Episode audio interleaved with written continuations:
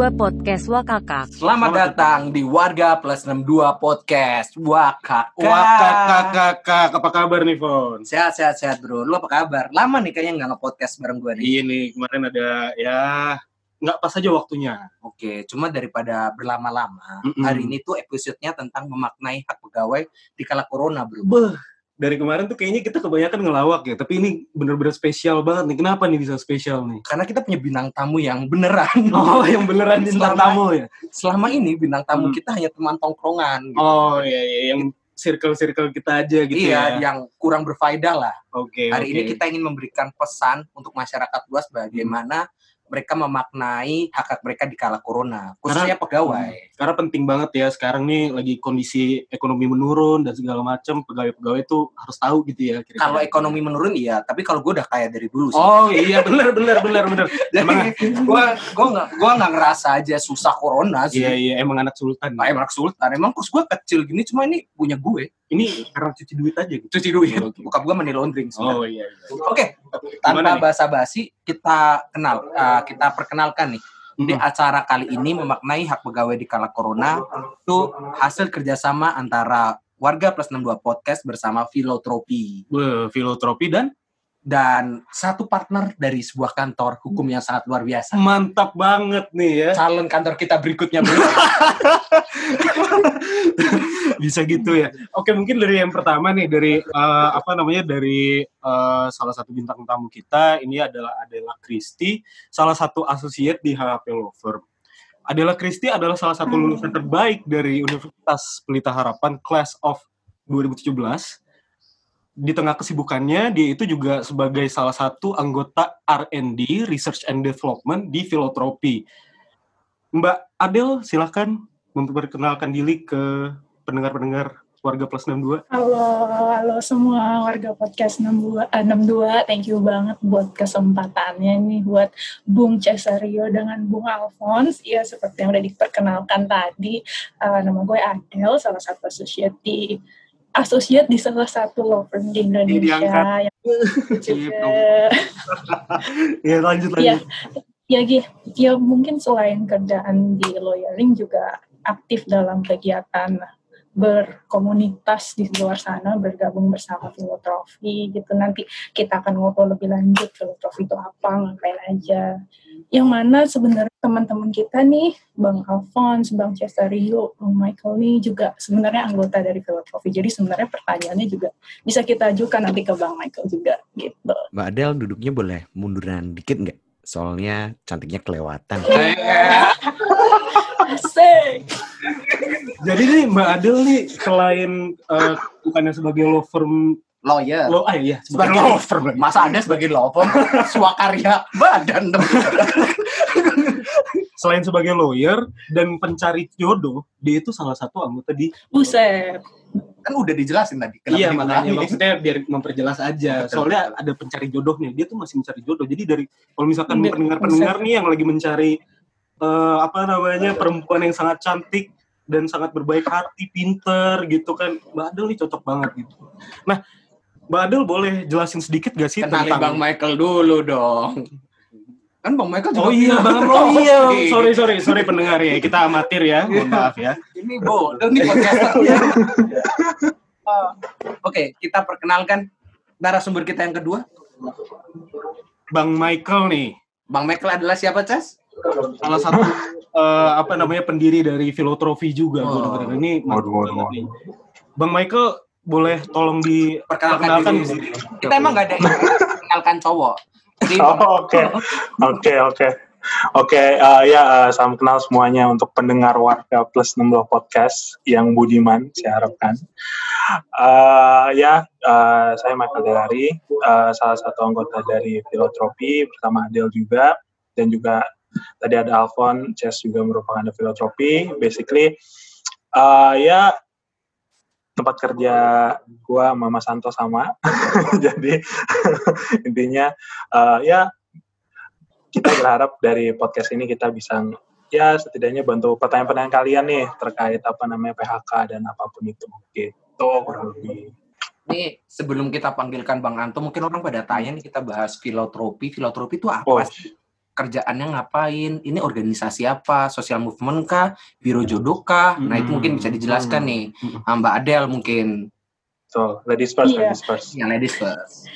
Iya, jadi sebenarnya filotrofi itu adalah sebuah wadah yang mana i- namanya kan filotrofi gitu kan. Jadi ini sebenarnya ada sejarahnya kenapa sih kita pilih nama pada akhirnya adalah filotrofi gitu karena memang isinya adalah anak-anak lulusan hukum sarjana hukum. Jadi ada unsur kata lo-nya itu fi. Jadi kan kalau biasa filantrofi, sekarang kita bikin jadi filotrofi kayak gitu. Jadi punya ciri khas yang bisa di- membuat orang tuh inget gitu loh sama kita adalah dengan ciri khas kita yaitu aksinya anak-anak hukum. Basically kegiatan kita adalah social movement juga ya. Jadi kita fokusnya itu adalah pemerataan ilmu dan pembangunan untuk karakter yang sifatnya berkelanjutan gitu. Jadi kita punya agenda itu udah lumayan banyak lah kegiatan yang kita lakukan. Jadi ada momen di mana kita eh, waktu itu datang ke suatu kampung untuk eh, bantu di daerah sana membersihin banjir di sana bagi-bagi barang. Tapi tujuannya bukan cuma itu. Kita mau hal yang lebih daripada itu adalah sebe- selain kita menyalurkan sif yang sifatnya sosial, kita juga mau memberikan sebuah pengetahuan gitu. Karena kan kita isinya anak-anak hukum gitu ya. Jadi kita mau yang kita meninggalkan bekas di mana di tempat kita eh, sampaikan atau kita laluin gitu kan. Nah, jadi kita kasihlah pengetahuan-pengetahuan yang sifatnya singkat-singkat aja gitu kayak misalnya gimana sih cara kita eh, daftarin apa namanya eh, apa namanya kalau misalnya KTP-nya ke bawah banjir, kartu keluarga ke bawah banjir gimana. Jadi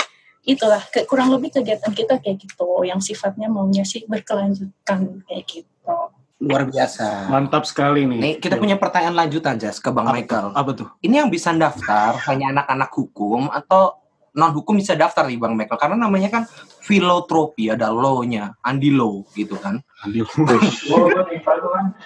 Pertama yang mau daftar pasti kita seleksi dulu ya, gitu. Enggak, enggak, enggak. Itu itu itu enggak enggak enggak sama sekali.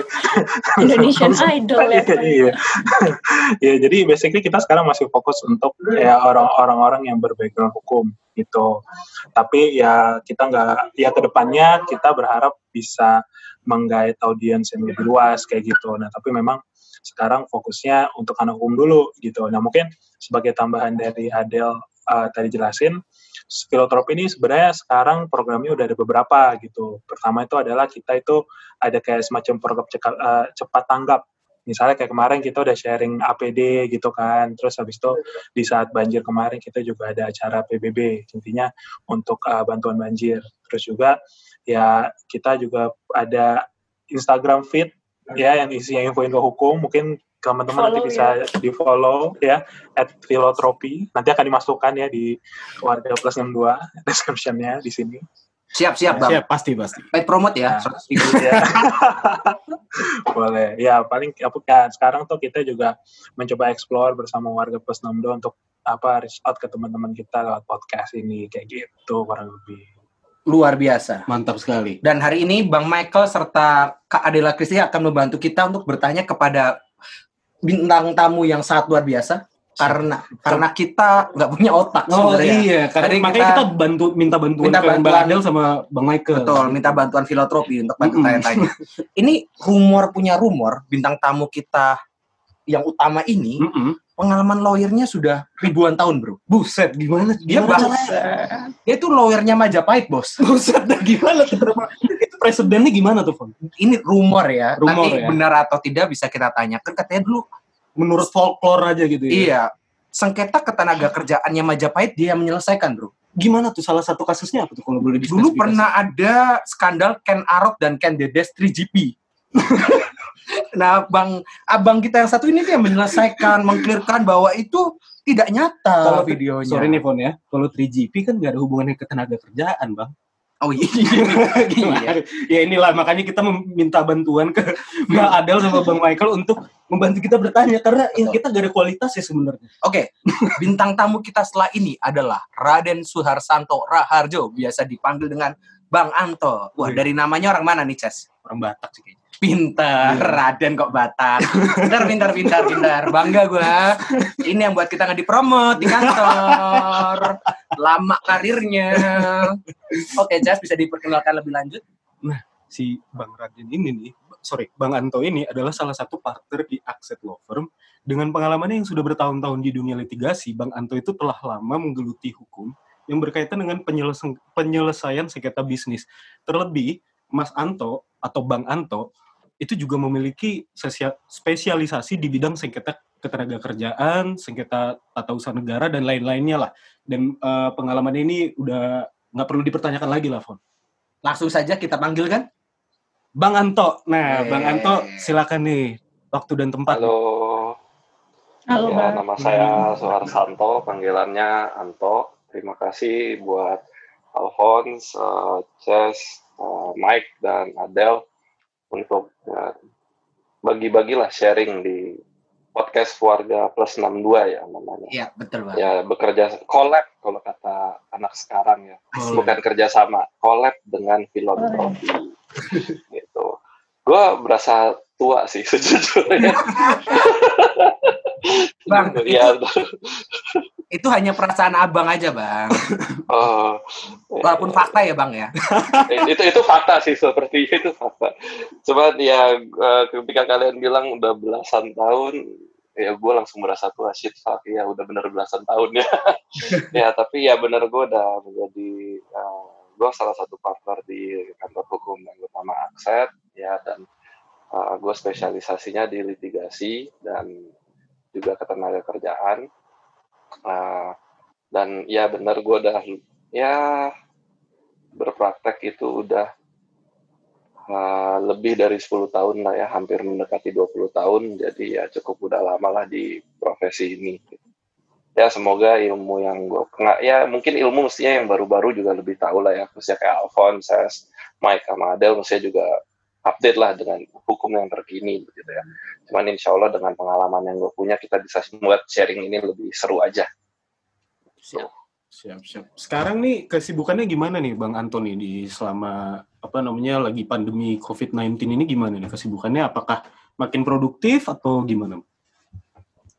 Ya tentunya harus ini ya eh, sebagai salah satu partner di law firm di Akset gitu ya tentunya kan kita harus memikirkan bagaimana kelangsungan bisnis dari law firm tersebut ya. Jadi kalau misalnya dibilang lebih santai sih justru enggak gitu. Saya lebih menikmati masa-masa sebelum adanya pandemi di mana bisa datang rutin datang ke kantor, yang kita pikirin hanya kerjaan. Sekarang kan enggak, yang harus dipikirin juga kesehatan karyawan, kesehatan staff, uh, bagaimana nanti di tengah-tengah ini juga ekonomi kan melemah tentunya juga mempengaruhi kinerja dari klien-klien dan uh, maupun juga kinerja dari firm sendiri bagaimana mengatasi permasalahan-permasalahan yang terjadi di kantor. Nah itu kan jadi suatu hal yang harus di diatasi ya selain dari uh, pekerjaan itu sendiri yang pekerjaan utamanya. Nah jadi kalau misalnya bilang lebih santai enggak gitu. Tentunya lebih jadi lebih sibuk karena banyak bertambahnya hal yang harus dipikirkan dan dikerjakan. Lebih nyaman, iya, karena saya bisa kerja sambil pakai celana pendekan di kantor, eh, di rumah, alias di kantor rumah, gitu. Jadi bisa lebih santai, nggak usah keluar ongkos transport, itu lebih menyenangkan tentunya, Oh, gitu. Dan ya, jadi ya tetap sibuk dan yang pasti lebih gendut sih, yang pasti karena lokasi lokasi lokasi meja kerja dengan meja makan terlalu dekat, yaitu hanya. Jadi Betul, betul. tentunya lebih gem, tentunya lebih gemuk. So far itu sih ke masih masih gitu-gitu aja. Kesibukan saya masih sama. Bedanya nggak pakai ke kantor, cuman masih tetap kerja dengan baik. Wah, terima kasih banget Bang Anto di tengah kesibukannya yang sangat luar biasa masih mau menjadi bintang tamu di acara collab antara Filotropi dan Warga Plus 62 Podcast. Mungkin langsung saja nih Bang Anto. Kemarin Sama-sama. kita sudah sudah melakukan survei Bang untuk apa sih dari netizen yang mau bertanya. Ini pertanyaan pertama ini dari Angga Cemangat Selalu Bang. Enggak semangat celana. nama nama IG-nya kayak gitu. Oh bro. iya iya iya. Nama orang buat bercanda lu. Oh iya sorry sorry. Nama orang itu doa, Bro. Oh iya iya. Walaupun nggak terkabul. Tapi harus banget gitu Instagram semangat celana. iya, ntar lu scrolling dah. Oh iya benar. Oke, pertanyaan yang pertama, Bang. Apa saja sih, Bang, hak-hak dasar dari seorang pegawai nih, Bang? Dan apakah terdapat perbedaan hak antara pegawai informal dalam artian seperti pemain band di kafe gitu, Bang, bukan yang masuk tiap hari dan pegawai formal contohnya seperti pegawai bank. Kan masih banyak masyarakat yang belum tahu hak dasarnya tuh, Bang, gitu. Oke, jadi mungkin saya jawab satu-satu dulu ya. Itu kan kayaknya ada dua pertanyaan gitu kan. Yang pertama adalah hak-hak seorang tenaga kerja sama uh, apa namanya tenaga kerja itu sendiri gitu ya. Nah, yang pertama adalah hak-hak seorang tenaga kerja gitu ya. Tenaga kerja itu punya hak minimal ada yaitu adalah menerima upah gitu kan. Nah, upah itu sebenarnya bagi dua, ada uh, upah pokok, ada tunjangan gitu. Tunjangan tuh ada ada berbagai macam lagi lah, ada tunjangan ada tunjangan transport atau tunjangan ada berbagai macam variasi ya. Tapi secara garis besar itu dibagi upah itu dibagi dua, ada upah pokok dengan uh, tunjangan. Nah, upah pokok itu sendiri, jadi dari upah itu sendiri itu ada minimumnya, gitu. Ada ada ada uh, kewajiban bagi pengusaha untuk membayarkan upah minimum, yaitu di itu upah minimum itu ditentukan di masing-masing wilayah, jadi nggak berlaku secara nasional. Kayak contohnya di Jakarta itu upah minimum tahun 2020 itu kalau nggak salah adalah 4,2 juta. Itu itu naik udah lumayan jauh. Soalnya singkat saya waktu waktu saya pertama kali kerja upah minimum S1 untuk di Jakarta itu cuma dua setengah juta. Which is ya udah naik hampir uh, 2 jutaan lah ya gitu. Which is itu cukup signifikan naiknya. Nah, Selain itu juga ada uh, mungkin tunjangan-tunjangan itu yang mau saya tekan itu adalah upah lembur gitu ya itu salah satu komponen uh, upah gitu ya itu upah lembur upah lembur itu jadi gini kalau karyawan atau tenaga kerja itu bekerja ini tenaga uh, itu dia ada jam kerjanya jam kerjanya itu dari uh, itu, itu ada beda-beda ada yang 7 jam sehari ada yang 8 jam sehari gitu ya kalau intinya kalau 7 jam sehari dan itu pokoknya kewajibannya itu rata-rata adalah mereka itu punya jam kerja 40 jam kerja per minggu. Nah, kalau 7 jam itu berarti untuk 6 hari kerja, 8 itu berarti untuk 5 hari kerja. Gitu. Nah, upah lembur itu adalah kalau misalnya kita lewat dari jam kerjanya itu, maka ada penentuan upah lembur. Cara penghitungan upah lembur ya bagaimana itu mungkin kayaknya harus ada sesi sendiri ya, soalnya cara ngitungnya tuh ribet gitu ya. Nah, cara ngitungnya itu cukup cukup cukup meribetkan lah. Itu itu diatur sendiri di ada ada satu set peraturan yang mengatur tentang penghitungan upah lembur. Nah, selain itu ada tunjangan-tunjangan, tunjangan lain juga ada tunjangan hari raya. Terus ya tunjangan hari raya ini ya itu setahu saya itu diberikan satu kali dalam setahun. Jadi bagi kalian yang mengharapkan di dalam satu tahun lebaran ada dua kali karena kalender hijriah itu lebih pendek daripada kalender masehi, ya itu won't happen ya itu nggak akan kejadian. Jangan berharap nanti di Januari terima THR, di Desember terima THR lagi. Won't happen, won't happen. Hanya pokoknya hanya satu kali dalam setahun, gitu. Uh, dan itu dibayarkannya itu selalu dua minggu sebelum hari raya, gitu. Terus ada jam sostek juga. Uh, haknya lain selain upah itu juga ada kayak cuti. Uh, ada juga seperti kalau misalnya nanti kena PHK itu ada hak atas pesangon. Gitu. Sebenarnya paling pertama sih adalah hak untuk pekerja itu kadang-kadang suka melupakan gitu. Pekerja itu punya hak untuk mendapatkan pekerjaan gitu. Jadi itu bukan kewajiban ya. Jadi maksudnya kalau misalnya uh, tenaga kerja itu di kalau kita sering nyebutnya ini apa namanya tidak diberdaya gunakan alias di, dicuekin aja. Nah, itu sebenarnya dia punya hak untuk Pak kasih saya pekerjaan karena itu termasuk salah satu haknya yaitu mendapatkan pekerjaan. Karena sebenarnya ada prinsip utamanya buat dalam undang-undang ketenaga kerjaan itu bahwa no work no pay. Kalau nggak bekerja maka tidak berhak atas upah. Itu suatu prinsip dasar lah untuk jadi pedoman tentang pengupahan. Detailnya atau bagaimana koneksi dengan ketentuan uh, pasal-pasal uh, terkait dalam undang-undang tenaga kerja mengenai no work no pay uh, filosofi ini itu itu kayaknya masih dibahas secara lebih mendetail nantinya. Oke. Okay. Oke, nah itu tentang hak-haknya ya gitu. Oke. Okay. Sorry. Terus yang informal tadi gimana tuh bang? Nah itu dia, saya tuh agak nggak seneng ya dengan istilah yang namanya tenaga kerja formal dan tenaga kerja informal. Uh, soalnya bukan soalnya gini, informal itu kesan yang timbul sekarang itu kan sebenarnya agak negatif ya gitu. Bahwa kesannya kayak tidak memiliki uh, apa kualifikasi yang mumpuni sehingga disebutnya sektor informal. Dan itu sering disebutnya in, sektor informal itu tenaga kerja informal itu selalu di asosiasikan dengan misalnya kayak uh, kuli lepas, kuli bangunan, ya kan, uh, apa namanya, buruh harian pabrik, ya, penderes. Nah, kalian tahu penderes nggak? Penderes itu jadi kalau kalian di di apa namanya perkebunan karet, orang-orang yang mengetapin karetnya itu, itu namanya penderes. Itu sering disebut sebagai sektor uh, pekerja informal. Sebenarnya kalau menurut saya, ya mereka kerjanya formal, ada kok pekerjaannya. Formnya kan ada. Kalau informal kan secara definisinya tidak ada form.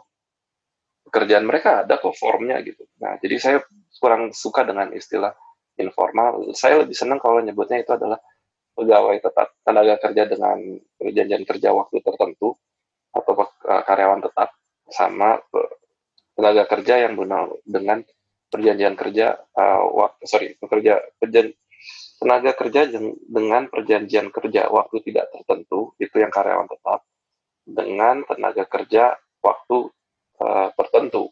Itu yang sering disebut sebagai karyawan tidak tetap. Nah, saya lebih senang penggunaan itu karena uh, walaupun yang dibilang informal, oh Pak kita nggak punya perjanjian kerja, siapa yang bilang gitu. Kalau misalnya kali kan nggak ada yang bilang perjanjian kerja eh, perjanjian itu harus bentuknya ya memang sih itu di, harus diharapkan tertulis gitu ya. Jadi, itu juga harus ada tertulisnya gitu. Tapi kan sebenarnya janji bahwa orang untuk memberikan jasa pekerjaan tanpa ada ini lalu desain kan sebenarnya juga perjanjian juga gitu. Jadi saya lebih senang kita nyebutnya ada perjanjian kerja waktu tertentu dan perjanjian kerja waktu tidak tertentu. Nah, apa bedanya? Hmm, bedanya yang satu terutama gini ya, kalau yang perjanjian kerja waktu tertentu waktunya terbatas. Uh, sementara yang waktu tidak tertentu dia waktunya tidak terbatas, jadi nggak ada jangka waktunya. Nah ini disebut karyawan tetap tadi lah ya. Nah, paling batasnya adalah ketika mereka mencapai usia pensiun atau mereka meninggal dunia. Nah, terus apa kewajiban yang berbeda itu adalah kalau terkait dengan PHK itu ketika untuk perjanjian kerja waktu tertentu maka itu tidak ada yang namanya entitlement atas atau hak atas pesangon karena hak mereka itu berdasarkan jangka waktu uh, jangka waktu yang sudah ditetapkan gitu. Jadi mereka bukan namanya bukan pesangon. Jadi misalnya kalian kerja 12 perjanjian kerjanya waktunya 12 bulan. Nah, habis itu kalian di terminate di di, di PHK di uh, bulan ketiga let's say gitu ya. Bulan ketiga. Maka dari bulan ketiga sampai bulan ke-12 ini ya inilah yang kalian yang tenaga kerja bisa tuntut gitu. Saya berhak untuk uh, sisa masa kontraknya gitu. Upah atas sisa masa kontraknya. Itu bukan pesangon namanya. Itu namanya adalah uh, upah untuk sisa masa kontrak. Nah, yang beda lagi adalah di dalam uh, waktu tertentu atau yang karyawan tidak tetap ini, itu nggak ada yang namanya probation masa percobaan tuh nggak ada. Jadi mereka nggak nggak boleh tuh di dalam di situ dibilang oh anda punya masa percobaan nggak ada nggak ada masa percobaan itu hanya untuk karyawan tetap dan masa percobaan itu hanya tiga bulan. Jadi kalau misalnya udah perjanjian kerja waktu tertentu terus dibilang ada probation, ada masa percobaan, nah itu perjanjiannya perjanjian kerjanya nggak tepat, maka dia akan otomatis langsung dianggapnya sebagai uh, karyawan tetap kalau kayak gitu. Hmm. Nah itu bedanya. Uh, kalau bedanya lain lagi adalah apa ya kontraknya itu kalau waktu tertentu itu harus tertulis. Kalau perjanjian kerja yang tetap waktu tidak tertentu itu bisa lisan. Kenapa bisa dibilang bisa lisan? Karena contohnya gini, misalnya Anda punya karyawan dari PKPT dari perjanjian dari perjanjian kerja waktu tertentu gitu ya. Lewat masanya tetap dipekerjakan walaupun nggak ada perjanjian kerja baru, kalian akan otomatis jadi karyawan tetap. Jadi misalnya nih kayak Alfon sama Ses, misalnya tempat kerjanya sekarang lupa gitu ya, terus bayarin gajinya terus, oh ya berarti kan di karyawan tetap. Puji Tuhan. Iya, gitu. Semoga Gitu. Kadang-kadang- saya dengerin. Enggak, yang paling penting lu berdua itu semoga partnernya lupa kalau lu waktunya udah mau berakhir. Oh. Dia tetap bayar Diamin gajinya. aja. Diamin aja. Nah, soalnya kadang-kadang eh, Nggak usah tanya Soalnya nasib kan ya gitu. bang ya. Iya, usah. Kalau kayak gitu harus harus dengan senang. Yes, dia lupa gitu kan. gue udah jadi tetap, yeay. Gitu. Ntar tiba-tiba besokannya mau ke kantor udah ada orang lain. tiba-tiba. Dari ada orang lain di meja kita gitu. Wah itu agak agak kasar ya kalau kayak gitu. Sebenarnya ada pertanyaan lagi bang, yang kita berdua nih, saya sama Cesari mau tanya bang. Mm-mm. boleh, boleh, boleh. Ah, masih terkaitan dengan hak hak pegawai nih bang. Mabuk di kantor tuh boleh nggak sih bang? Eh, Jadi gini, itu termasuk dulu tuh gue inget banget itu ada yang namanya pelanggaran berat gitu ya. Pelanggaran berat itu salah satu di dalamnya itu adalah eh, mengkonsumsi minuman beralkohol Hmm. gitu. Kalau gue nggak salah inget ya, coba gue cek dulu peraturan yang mana tuh tadi. Dulu tuh ada tuh pelanggaran berat. Gue senang banget sama tuh pasal. Waduh. Padahal kita stok bang di lemari kantor kita. Oh, Bentar, bentar. Pelanggaran berat. Alkohol. Alkohol itu jahat tapi enak soalnya bang. Asik. Betul ada Kayak lagu ya. Kayak lagu ya. Alkohol. Emang teman kita yang satu ini alkoholik sekali kayaknya. Enggak, Gue enggak. sampai nanya-nanya kayak gitu. Enggak, tapi saya kalau alkohol itu enggak enggak suka Jack D itu enggak suka. Soalnya alkohol apotik. 70 persen dong. 70 persen. Luar biasa loh. itu. Eh, tapi ada aturan Ya, lainnya ya bang ya untuk minum alkohol di kantor ya bang ya. Sebentar, gue lupa tuh dulu ada pelanggaran berat, pelanggaran berat. lupa. Nah, maklum nih, bekerja dari rumah itu menggunakan device yang nggak biasa dipakai. Jadi Kita- sering terjadi kendala. Kita Tapi iya, kalau gue nggak salah di pelanggaran berat itu ada termasuk salah satunya itu adalah minum mengonsumsi. Nah ini dia, pengusaha dapat memutuskan hubungan kerja dengan alasan kesalahan berat, ya kan? Mem- mabuk, nah, minum minuman keras yang memabukkan, memakai dan atau mengedarkan narkotika, psikotropika dan zat. Tapi tenang, Fons. Kalian jangan bersedih dulu. Jangan bersedih dulu. Kenapa? Karena pelanggaran berat itu dicabut sama Oh. MK. Oh. Jadi yang namanya pelanggaran berat itu udah nggak ada kecuali di Buset. PP-nya di kecuali di peraturan perusahaan tempat kalian bekerja. Asumsi Hmm. gue kalian bekerja di law firm. Sorry, gue gue lupa kalian tuh di HHP bukan sih bener kan? Iya deh bang di HHP bang.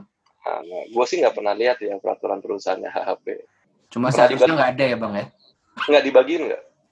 Dibagi bang, cuma kita kan pas dapat kontrak langsung yes bang nggak baca bang.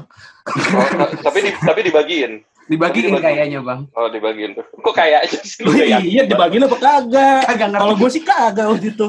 Tapi kayaknya Ah. emang ada sih harusnya. Eh, Ntar banyak sensornya kok aman. Iya, iya, iya, nanti bisa diedit. Iya. Nanti kita merang lagi. Nah, jadi jadi intinya di itu mabuk di itu tuh nggak ada. Cuman pastinya itu itu di, diubah di dalam suatu peraturan perusahaan ditulis bahwa itu menjadi suatu kesalahan yang bisa berujung pada PHK.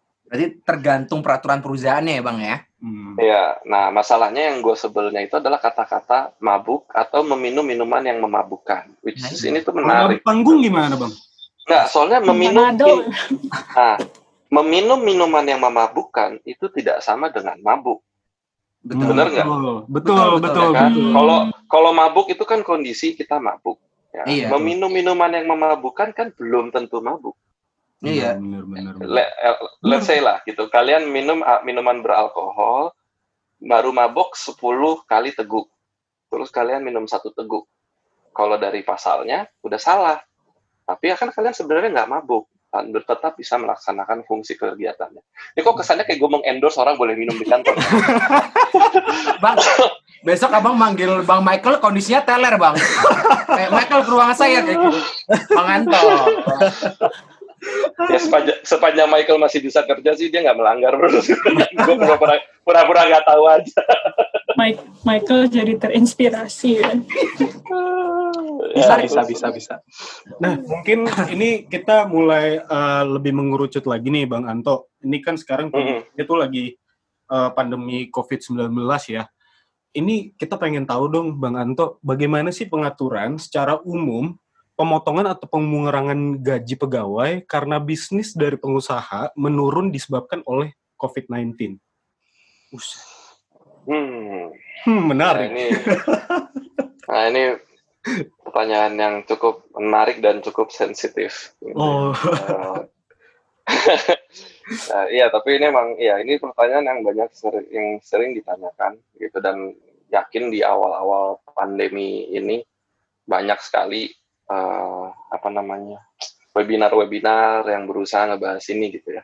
Hmm. gitu. Dan jawabannya walaupun udah ada banyak dikeluarkannya aturan-aturan apalah peraturan menteri segala macam. Nah, intinya tetap sama yang masalah pengurang jadi gini gaji itu kan disepakati ya dengan tenaga kerja gitu kan. Nominal gaji itu kan disepakati. Ya yang pasti kan nggak boleh di bawah upah minimum nih itu udah satu ya. Jadi kan nggak boleh kan tapi kan besaran pastinya kan ya pasti ada yang di atas upah minimum ada yang jauh di atas upah minimum ada yang perpas di upah minimum nah tapi baseline-nya adalah upah itu kan adalah kesepakatan antara pemberi kerja perusahaan dengan tenaga kerja, ya kan? Itu yang disepakati. Dan ada pasal yang dibilang bahwa perusahaan by any means itu nggak boleh telat bayar gaji, gitu ya. Bayar upah tuh nggak boleh telat. Telat bayar upah itu ada dendanya, gitu kan.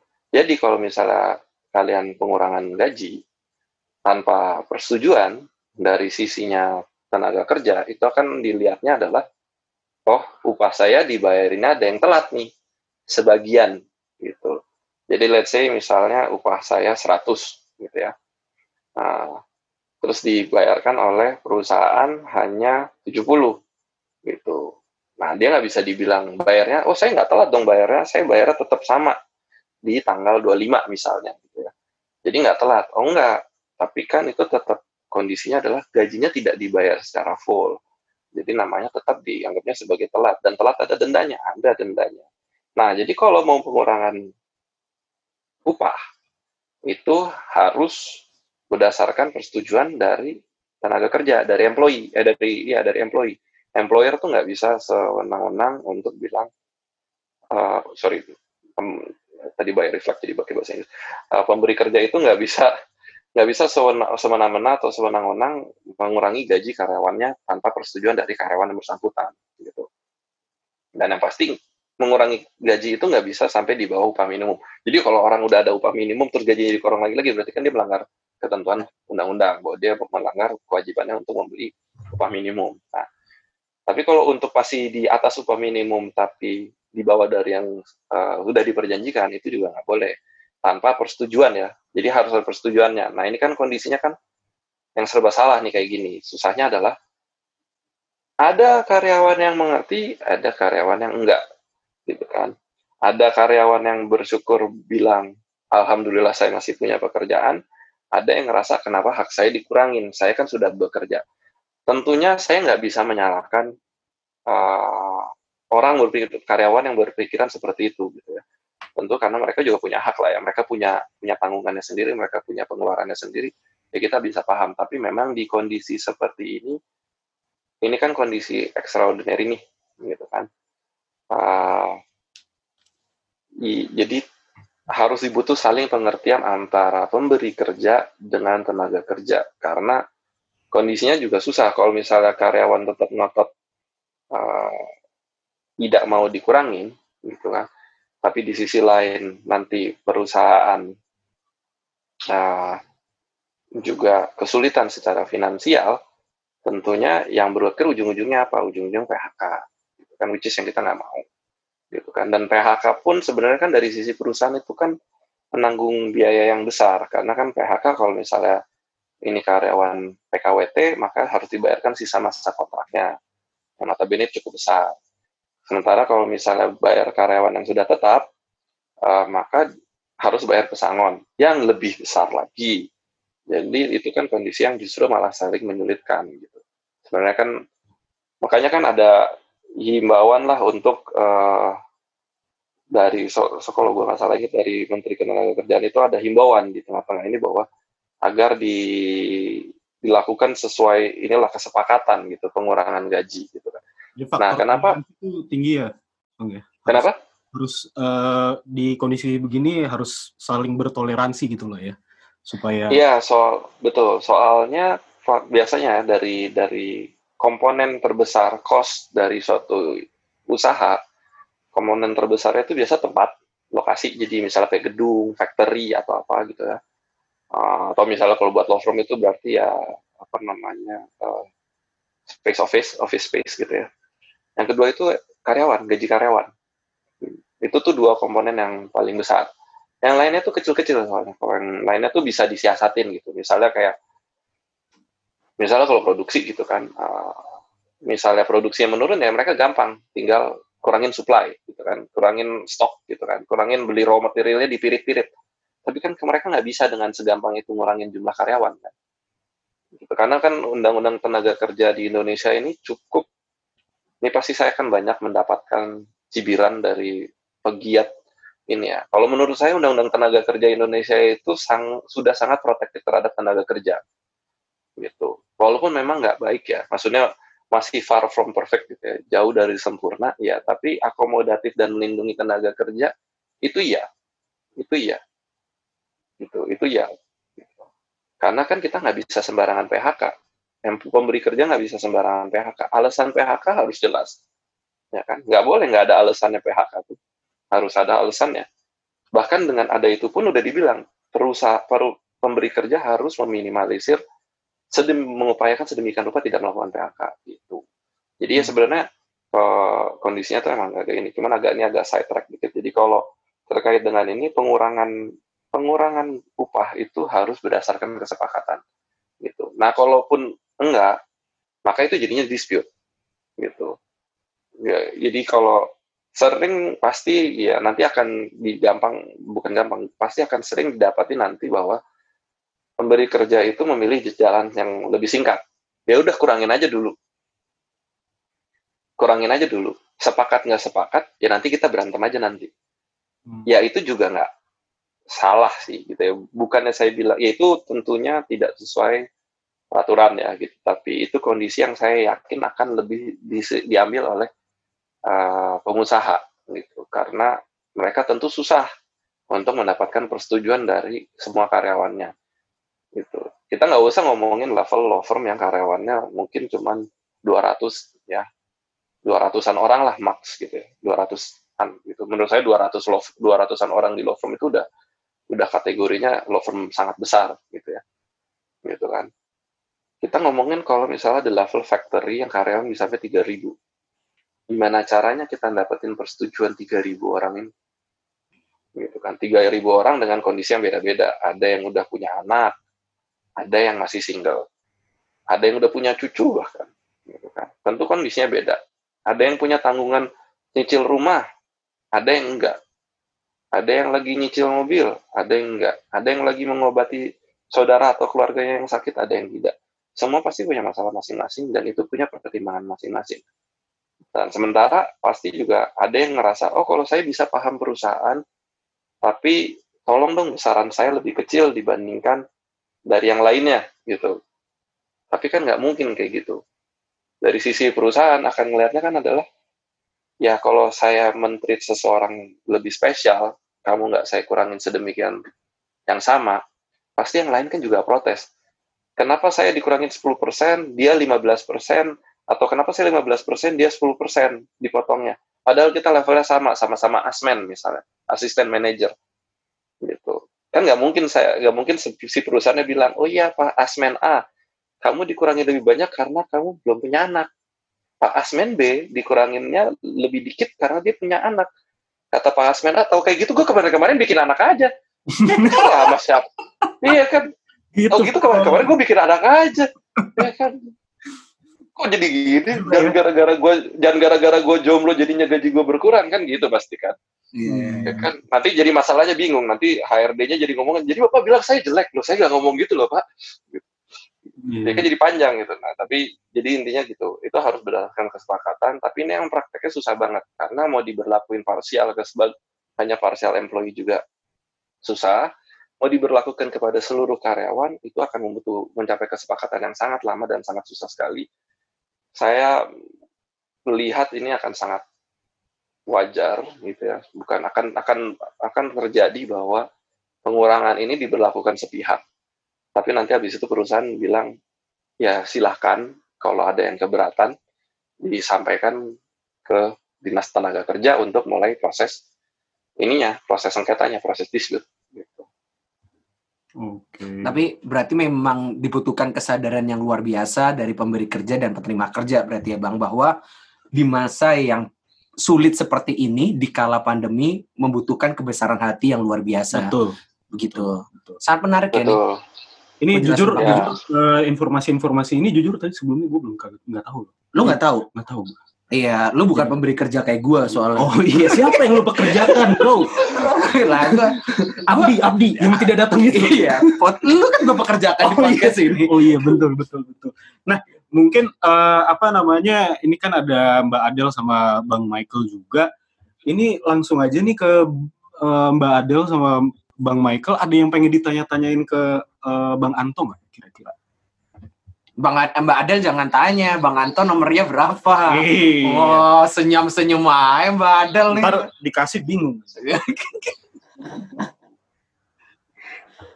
Aduh, iya bicaranya menarik banget sih ini ya. Jadi sebenarnya tuh kayak judul kita aja kan memaknai hak-hak dari pekerja gitu ya. Jadi dengan nontonnya kita jadi aware kan. Eh, Mungkin teman-teman yang lainnya yang pekerja juga jadi tahu kalau ternyata gue dikurangin, oh gue ada cara lain yang bisa dilakukan gitu. Bahwa kita bisa mendisputekan itu di belakang. Jadi mungkin beberapa teman-teman yang lain kayak ya udah gaji gue dikurangin gue terima aja gitu tanpa mereka tahu bahwa sebenarnya ada yang bisa dilakukan lebih lanjut untuk mereka menanggapi itu. Itu menarik banget sih bang sebenarnya. Nah terkait pertanyaan aku sih paling terkait dengan situasi sekarang kita ini ya bang ya kan COVID-19 dan lain sebagainya.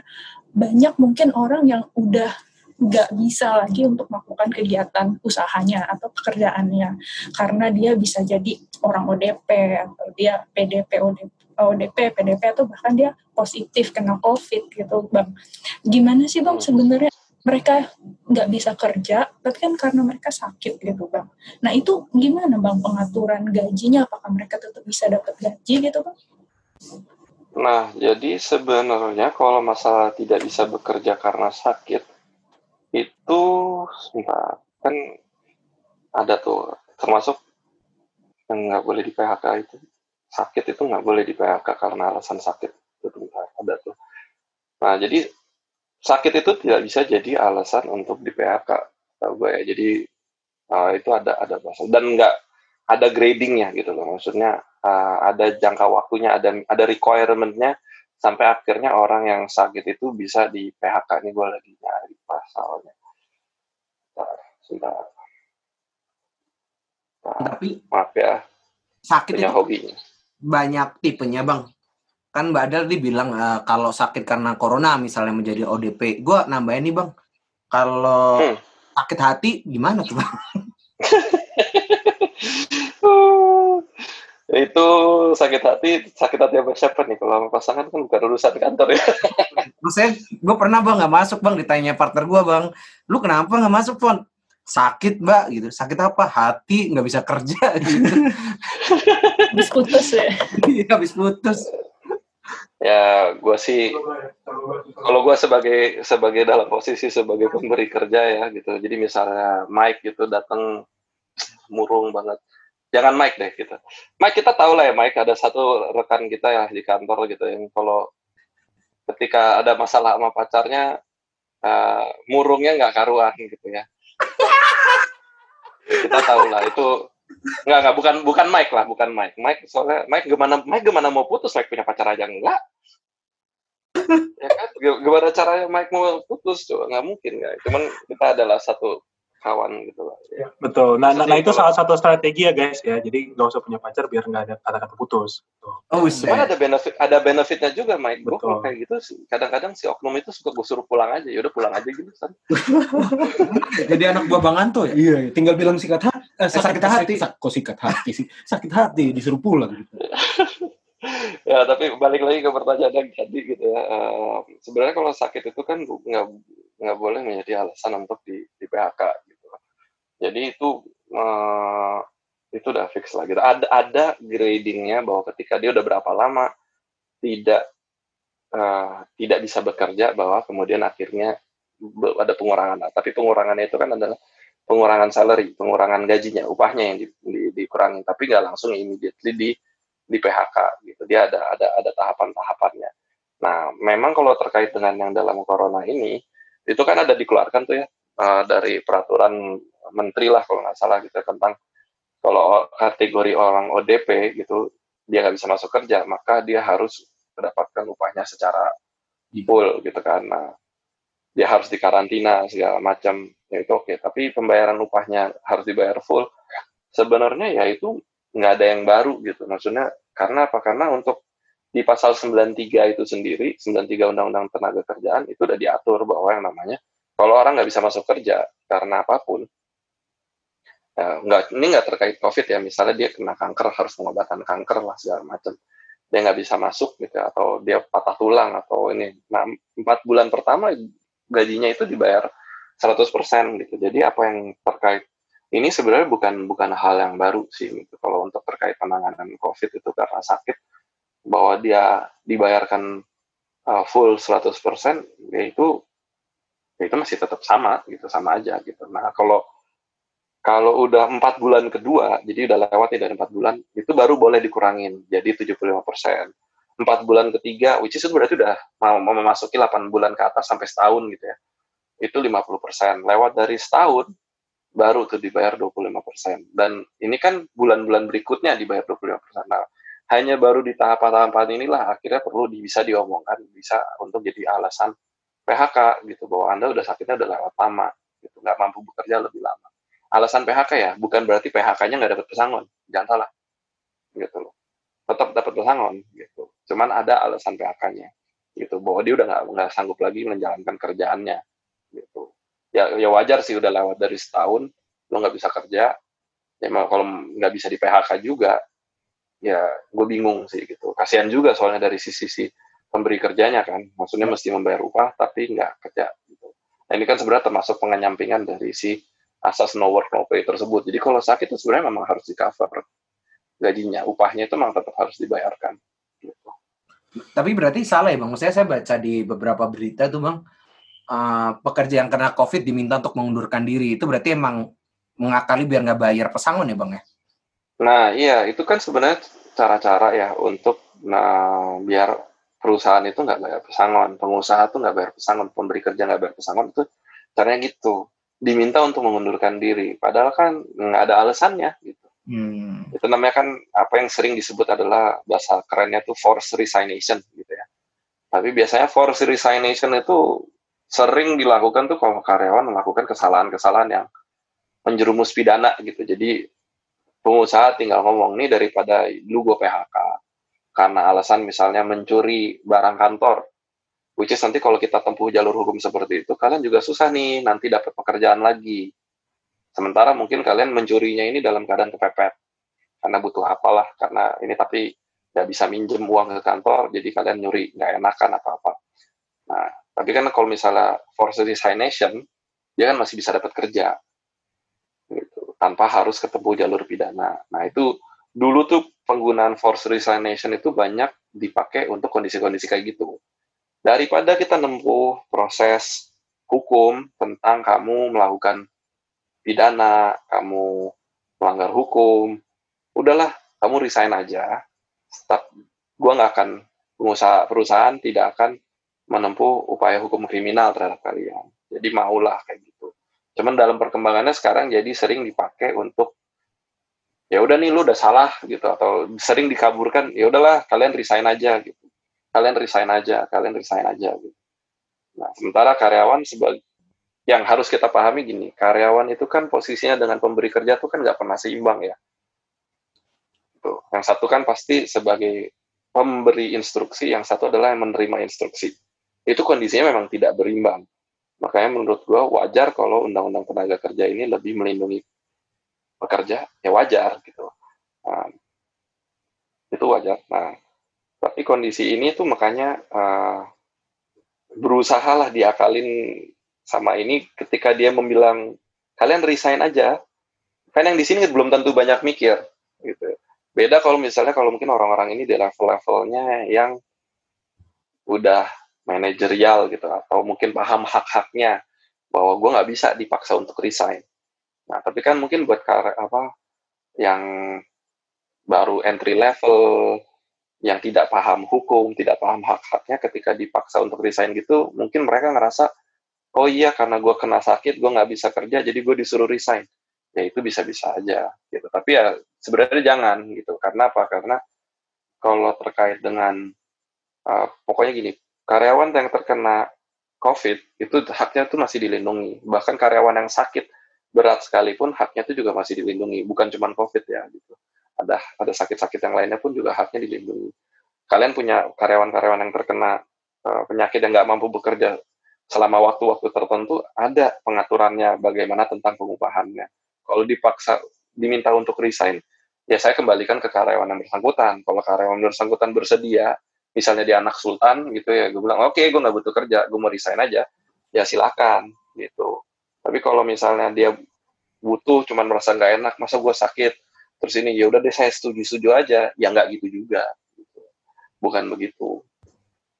Nah mungkin sekarang mau nanya nih, bang, nih mungkin hmm. umum banget ya gini. Kalau lagi sakit nih, ya kan, di rumah sakit misalnya tipes atau ya uh, penyakit-penyakit milenial lainnya gitu kan, terus tetap diminta kerja, nah itu gimana tuh bang? Hmm. Sakit, tapi diminta kerja. Iya. Kok gue takut jawaban gue akan dipakai untuk memberatkan gue di kemudian hari ya. ya tapi basically logisnya gini, kan se sebagaimana uh, patutnya kan perusahaan itu harus menjamin kondisi apa kondisi tempat kerja yang yang yang memadai bagi tenaga kerjanya ya itu itu setahu gue udah salah udah clear gitu bahwa jaminan tempat kerja yang yang sehat itu kan ada di praktek health and safety environment regulation K3 ya K3 keselamatan dan kesehatan kerja itu itu itu pasti ada gitu. Nah, sekarang kalau kondisinya kalian sudah sakit, suruh bekerja, berarti kan dari dalam badannya karyawan sendiri itu sudah tidak fit untuk bekerja. Ya semestinya kalau dari gua logikanya adalah karyawan yang sakit itu tidak harus bekerja tentunya didukung dengan ini ya, dengan apa surat sakit yang dari dokter ya, yang benar ya, bukan yang bukan yang dibayar untuk ngeluarin surat sakit ya. Gitu. Gue bisa kok ya, bang. Kita sama kita sama-sama tahu lah. Dijual di Tokped. Ada, iya dijual di Tokped. Gitu. Nggak nggak usah nggak usah nggak usah dicari di Tokped. Lu tinggal tinggal tinggal beli ini aja ada kok apa namanya yang lu cari ke percetakan percetakan mereka mau kok bikin kopi resep gitu. Kok gue jadi ngajarin ya? Ya Allah. Ya namanya juga ilmu kan bang. Iya nah tapi ya intinya sebenarnya kalau menurut gue kalau karyawan sakit itu ya dia nggak nggak nggak usah bekerja lah. Dan sebenarnya gue juga menurut gue juga nggak ada faedahnya buat pemberi kerja mempekerjakan karyawannya dalam keadaan nggak fit gitu. Buat apa? Toh karyawannya juga nggak bisa fokus 100% kan gitu. Gitu. ya udah mending suruh istirahat aja gitu. Bang, tapi biasanya kalau Bang Michael tuh sakitnya hari Jumat, Bang Anto. Hmm? Katanya Bang Michael tuh langganan sakit hari Jumat. Biar oh, kalau gue biasa gue gue biasanya bisa prediksi kalau Senin gue sakit. long weekend. iya, jadi long weekend. Kalau Jumat kan jadi, Friday Friday madness soalnya kan. Jadi kayak ya, sakit mental lo, jadi lo, udah langsung masuk. Lo salah lo, Fons, gitu. Lo nggak nggak gue nggak nggak mungkin Mike tuh minta sakit di hari Jumat. Nggak mungkin. Rugi. Rugi, tahu nggak kenapa? Karena kalau sakit hari Jumat, dia nggak boleh pergi ke dark down berarti habis itu. Iya, betul betul. Karena ketahuan nanti. Iya, nanti ketemu. Nggak mungkin. iya, nanti lah, Mike katanya sakit ya kan. Nanti pakai alasan yang sama kayak lu sakit hati bang. Iya. Yeah. kalau mau makanya kalau mau sakit tuh Senin. Hmm. Kita... Soalnya nggak ada acara yang menarik dari Senin. Iya betul betul. Berarti ini tips and trick buat pendengar kalau mau pura-pura sakit Senin. Jangan kalau nggak mau ketahuan mah Rabu lah atau Kamis. Iya biar nggak kelihatan banget ya. Iya biar nggak kelihatan banget betul. Mbak, Mbak Adel tuh pernah nyuri juga Bang Anto sampai jadi kasus. Nyuri perhatian. maling ya maling ya. Basi lu. ini kalian nggak mau alih profesi jadi stand up comedian aja ya? Nah, itu kepikiran.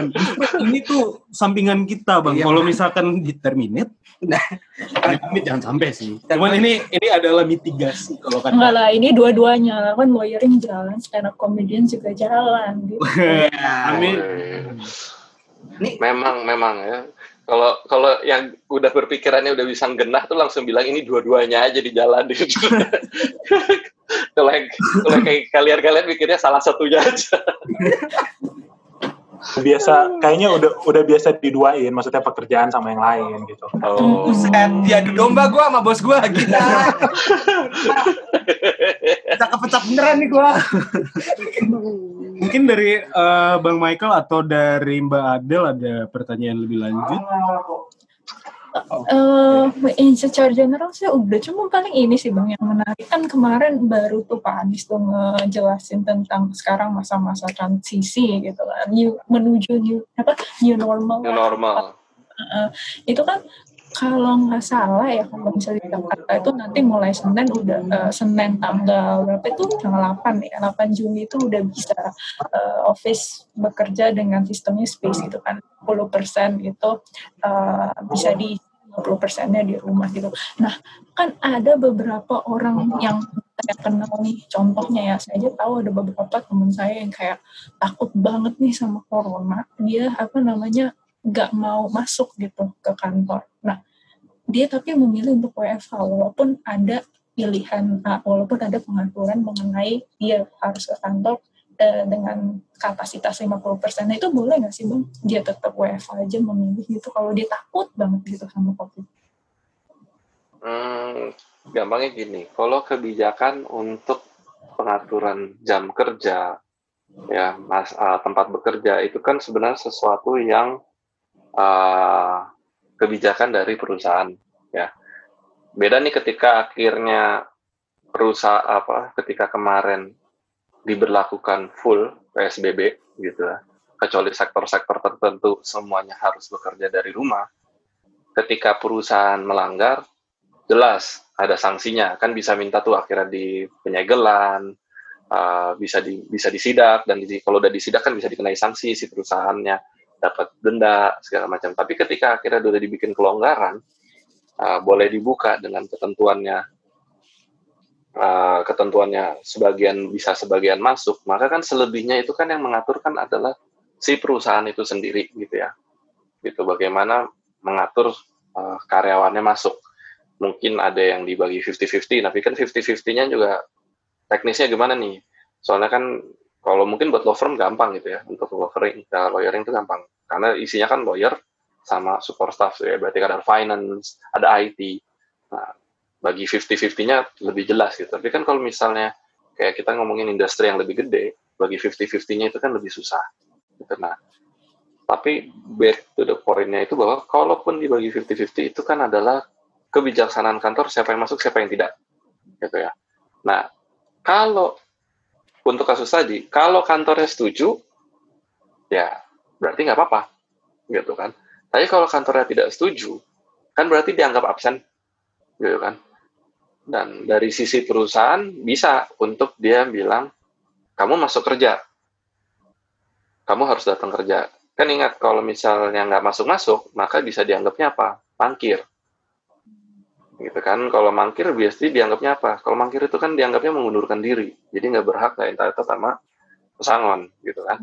Nah jadi terserah aja gitu. Kalau saya sih kebalikin bahwa di masa kayak gini berba ya di, dikomunikasikan lah dengan perusahaan jika memang ada concern ada kekhawatiran bahwa eh, saya takut untuk masuk kerja. Ya. Nah karena bagaimanapun juga wajar bahwa karyawan itu khawatir dengan kondisi kesehatan dan perusahaan kan juga harus menjamin lokasi kerja yang memberikan uh, perasaan aman dan nyaman untuk kesehatannya. Gitu. Jadi itu boleh aja gitu saya bilang saya nggak mau masuk kerja karena anda belum melaksanakan protokol ini dan kalau terkait misalnya protokol kesehatan itu kan juga sebenarnya diwajibkan sama PSBB yang baru gitu bahwa boleh buka tapi ada protokol-protokol kesehatannya tuh di situ ada banyak lah ada ada bahwa dia harus menyediakan ini, menyediakan itu, ada penyemprotan, ada segala macam. Nah, itu itu oke okay, gitu loh. Nah, tapi kalau misalnya akhirnya itu udah semua disediain, udah udah udah ini, udah deal bahwa oh, kalian harus dapat suntikan misalnya di, dikasih uh, fasilitas obat boleh reimburse, vitamin boleh reimburse atau nanti disediain ini, tapi akhirnya masih tetap nggak mau datang kerja juga karena dia sendiri ngerasa uh, secara personal merasa takut, kan juga dari perusahaan kan juga susah kayak gitu. Ya, untuk orang-orang seperti itu ya. ya. Maksudnya soalnya yang lain kan pasti mau masuk kerja. Nah itu nanti yang bisa terjadi adalah nanti dia dibilang mangkir. Dan kalau mangkir kan bisa dipanggil sama kantor. Kamu nggak hmm. masuk, tolong datang. Tapi kalau udah dipanggil berkali-kali, adalah kesyaratan tentang uh, mangkir kerja itu berapa dan tetap nggak datang ya dia bisa di uh, dianggap mengundurkan diri jadinya. Gitu. Gitu sih. Nah, nah itu menarik sih mas mengenai apa namanya mangkir ya. Iya. Kalau misalnya ini kan uh, misalnya nih yang terakhir itu kan terkait orang tuh di PHK gitu kan. Misalnya bisa karena mangkir tadi gitu kan. Tapi kan sebenarnya itu kan karena COVID kan. Maksudnya ya karena ada khawatiran dia terkait COVID gitu. Mungkin misalnya uh, saya nggak yakin nih gedung tempat kerja saya tuh udah implement nih protokol kesehatan yang sesuai kayak gitu kan. Terus, hmm. nah pertanyaan adalah kalau misalnya dalam hal COVID gitu, PHK-nya, bisa nggak sih maksudnya dalam hal itu misalnya skenario yang tadi gitu karena nggak masuk gitu karena takut covid gitu ada misalnya uh, skenario kedua yang sering terjadi sekarang kan adalah ya perusahaan-perusahaan tuh PHK karena apa efisiensi kayak gitu-gitu. Nah, itu gimana tuh Mas kalau misalnya kayak gitu? Nah, ini ini agak ini ya, agak uh, agak agak beda nih kalau untuk jawaban itu. Kalau misalnya alasan orang di PHK atau pengusaha mem-PHK karena karena COVID gitu, itu berarti kan dia bilang bahwa uh, kondisi kantor, kondisi perusahaan itu terimbas, gitu kan. Singkatnya kan seperti itu nih, ada COVID, kegiatan usaha terimbas, maka kita harus melakukan langkah PHK, ya kan. Ada sih di di Undang-Undang Tenaga Kerja itu bahwa untuk melakukan uh, eh, PHK dengan alasannya adalah force major. Nah, si COVID ini bisa force, bisa dibilang force major gitu loh bisa masuk ke kondisi memang yang nggak disangka-sangka gitu. Tapi itu harus dibuktiin gitu. Kenapa sampai dia ada urgensinya untuk melakukan PHK? Kenapa perusahaan harus melakukan PHK? Apa alasannya? Tapi itu bukan berarti PHK-nya nggak bayar pesangon loh, gitu loh. Maksudnya pesangonnya tetap dibayar dan dengan alasan yang force major itu. Nah, kalau yang alasan force major itu kan dia jadi paketnya satu kali deh kalau gue nggak salah ingat gitu. Correct me if I'm wrong ya gitu. Itu kan maksudnya dia pokok tapi intinya pesangonnya itu tetap tetap harus dibayarkan. Bukan berarti habis itu dengan alasan, oh ada COVID, PHK, habis itu nggak bayar pesangon. Oh enggak, enggak. Itu hanya jadi adalah bahwa perusahaan itu boleh melakukan PHK dengan alasan force major. Besaran pesangonnya ditentukan. Kalau force major itu uh, berapa paket pesangon yang diterima oleh karyawan yang dilakukan PHK tersebut. Tetap berhak dapat PHK, uh, eh, berhak, tetap berhak dapat pesangon, tetap berhak. Besarannya aja mungkin yang agak berbeda. Tapi alasan force major-nya itu juga harus dibuktiin. Bener nggak? COVID-19 ini si COVID-19 ini tuh actually berdampak kepada si perusahaan tersebut gitu. Dan itu menjadi alasan yang sahih bahwa mau dilakukan pengurangan hubungan ke pemutusan hubungan kerja gitu. Nggak bisa sembarangan Oh, jadi sebenarnya PHK tuh sama kayak tadi nggak sih mas yang apa pemotongan gaji gitu persetujuan kah atau misalnya bisa aja perusahaan kayak ya kita tetap PHK di sepihak gitu. Nah, itu dia kalau PHK itu kan memang sesu sesuatu yang selalu sepihak gitu. Kalau maksudnya gini, PHK tuh pemutusan hubungan kerja ada yang disepakati gitu ya, misalnya atau udah ditentukan kayak udah nyampe uh, usia ini kan maka hubungan kerjanya kan emang berakhir gitu ya. Tapi atau udah meninggal ya, kan memang otomatis berakhir gitu kan. Tapi kalau misalnya golden second gitu tadi yang kayak resign tapi setuju gitu, ya itu kan sebenarnya juga putus hubungan kerjanya gitu kan tinggal dilaporin aja lah bahwa udah ada kesepakatan perdamaian lapor ke uh, pengadilan hubungan industrial didaftarin ininya pemutusan hubungan kerjanya gitu ya atau saya apa namanya uh, agreementnya itu didaftarin gitu. Nah kalau yang selebihnya ya berarti kan nggak nggak ada nggak ada ini kan nggak ada kesepakatan kan. Ya kalau nggak ada kesepakatan ya berarti harus dikontes gitu. Apakah PHK-nya tuh beralasan? Karena kayak tadi yang gue bilang alasan PHK itu kan limited. Ya kan? Dan nggak boleh PHK tanpa alasan. Jadi harus ada alasannya gitu loh. Misalnya efisiensi gitu kan. Itu juga banyak yang salah kaprah tentang efisiensi gitu. Which is nggak akan gue bahas sekarang. Nah tapi yang kayak misalnya kayak COVID-19 ini ini bisa nggak sih jadi alasan PHK bisa. Bisa. Karena apa? Force major tadi.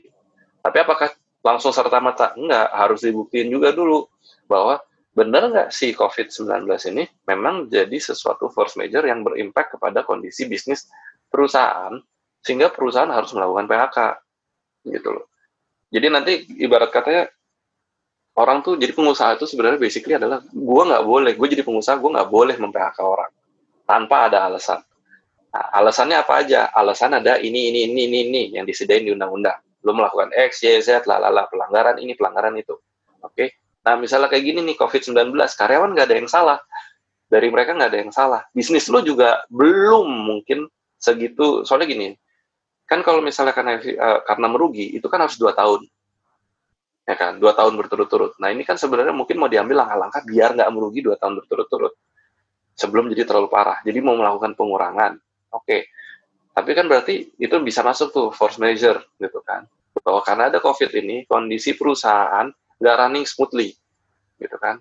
Karena ada hal-hal yang bukan di kuasa gua kuasanya perusahaan. Perusahaan nggak bisa mengatur kapan sih apa namanya covid ini datang mungkin bisa tahu oh ya covid akan datang tapi kan dia nggak tahu kapan gitu. Dan dia juga nggak tahu how good, how big the escalate ya seberapa besar impactnya terhadap bisnisnya dia. Dia kan nggak bisa prediksi itu. Nah itu berarti dia harus ngebuktiin itu dulu bahwa iya nih gue berdampak ya karena covid ini ada force major event ini bisnis gue terdampak gue punya alasan dong untuk mem PHK karena kalau gue nggak mem PHK gue harus berhentiin semuanya misalnya gitu kan. Jadi gue ngelakuin ini untuk survive. Jadi I need to do uh, apa namanya pengurangan. Gue harus mem-PHK orang-orang ini, walaupun mereka nggak ada salahnya sama gue. Nah itu yang namanya. Jadi itu nanti jadi alasan bahwa oh PHK-nya diizinkan, dibolehkan dengan alasan bahwa karena adanya COVID-19. Tapi apakah itu jadinya menghilangkan kewajiban perusahaan buat bayar pesangon? Tidak. Kewajiban bayar pesangonnya tetap ada. Gitu. Oke, nah mungkin terakhir nih ini banyak banget teman-teman apa gua yang dibilang gini, nggak apa-apa, nanti kalau memang kita open lagi, kamu dapat prioritas deh buat apply di kita. Nah itu sebenarnya secara hukum tuh ada nggak sih that kind of priorities gitu mas? Kata-kata mutiara itu gitu. ya itu kan janji surga paling bagus ya, maksudnya. Dan sekarang gini lah, itu kesepakatannya apa? ada hitam di atas putih kah bahwa Anda diprioritaskan? Ya kan? Kondisi seperti apa tiba-tiba dia bisa ini dan kondisi seperti apa Anda diprioritaskan? Ya kan itu kan kita nggak tahu, gitu kan. Dan itu kan tergantung dari perusahaan.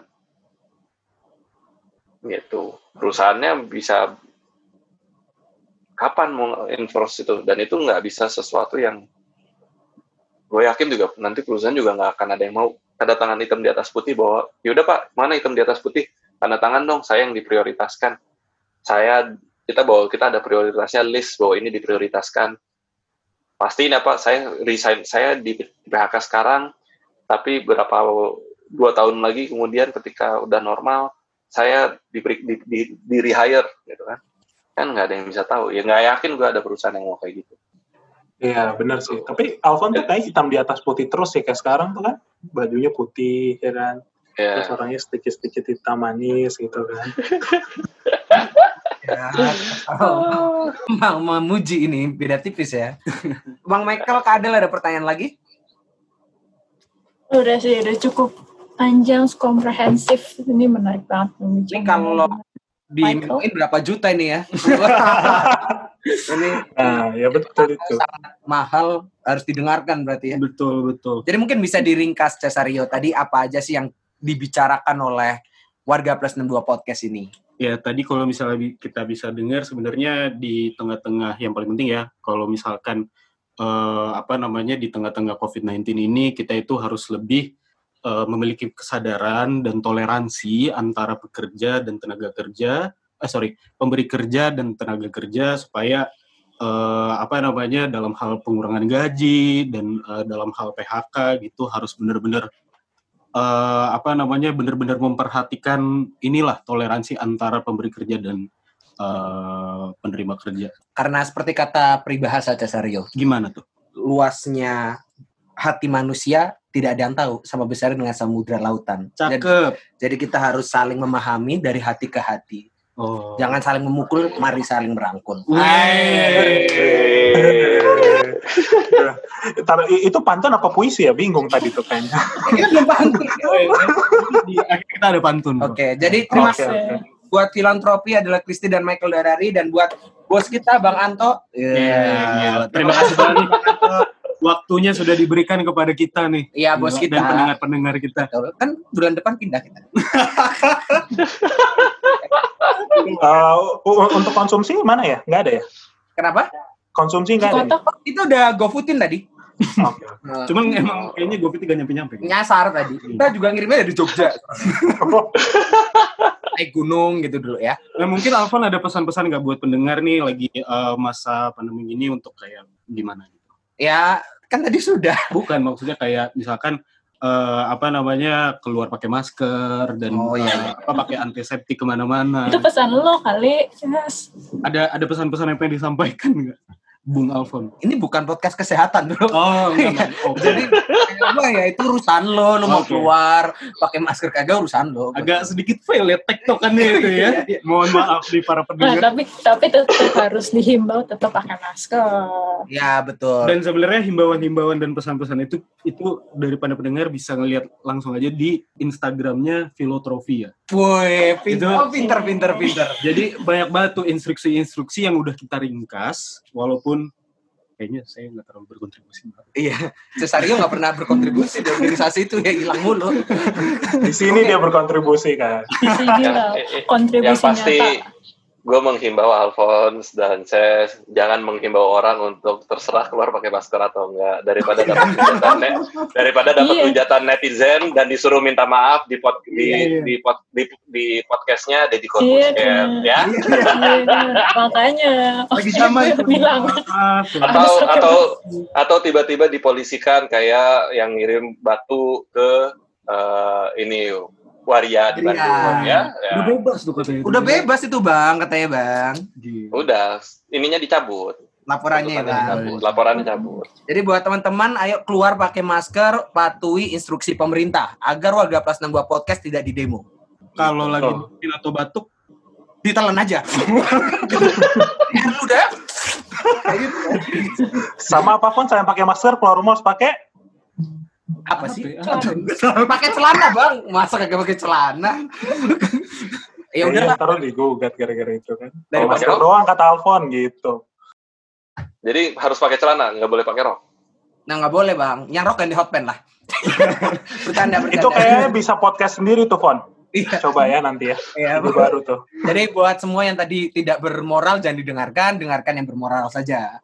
Karena tujuan kita berbagi nilai kehidupan yang mungkin belum tentu berguna, tapi dapat diketahui secara umum. Apa lah nggak ngerti gue ngomong apa udah. aduh. Ayo pantun cas. Oke, izinkan saya untuk menutup episode spesial ini dengan sebuah pantun. Asik. Nanti lu di tengah-tengah cakep gitu ya. Iya siap siap bro. Nanti biar biar diedit. Eh, kita juga kita juga Buah pepaya, buah kedondong. Cakep. Pandemi pandemi di aduh ulang. Ya apa sih ini? Nanti bisa diedit, Bro. Oh iya bisa diedit ulangin ya. Buah pepaya, buah kedondong. Ah. Pandemi di rumah aja dengerin warga plus 62 podcast dong. Ai. Oke Terima kasih. Terima kasih semuanya. Buat Yeah. kaula muda, walaupun listener kita cuma dikit. Terima kasih, terima kasih. Yang penting kita berusaha. Selamat datang di episode berikutnya. Bye bye. sampai jumpa kali.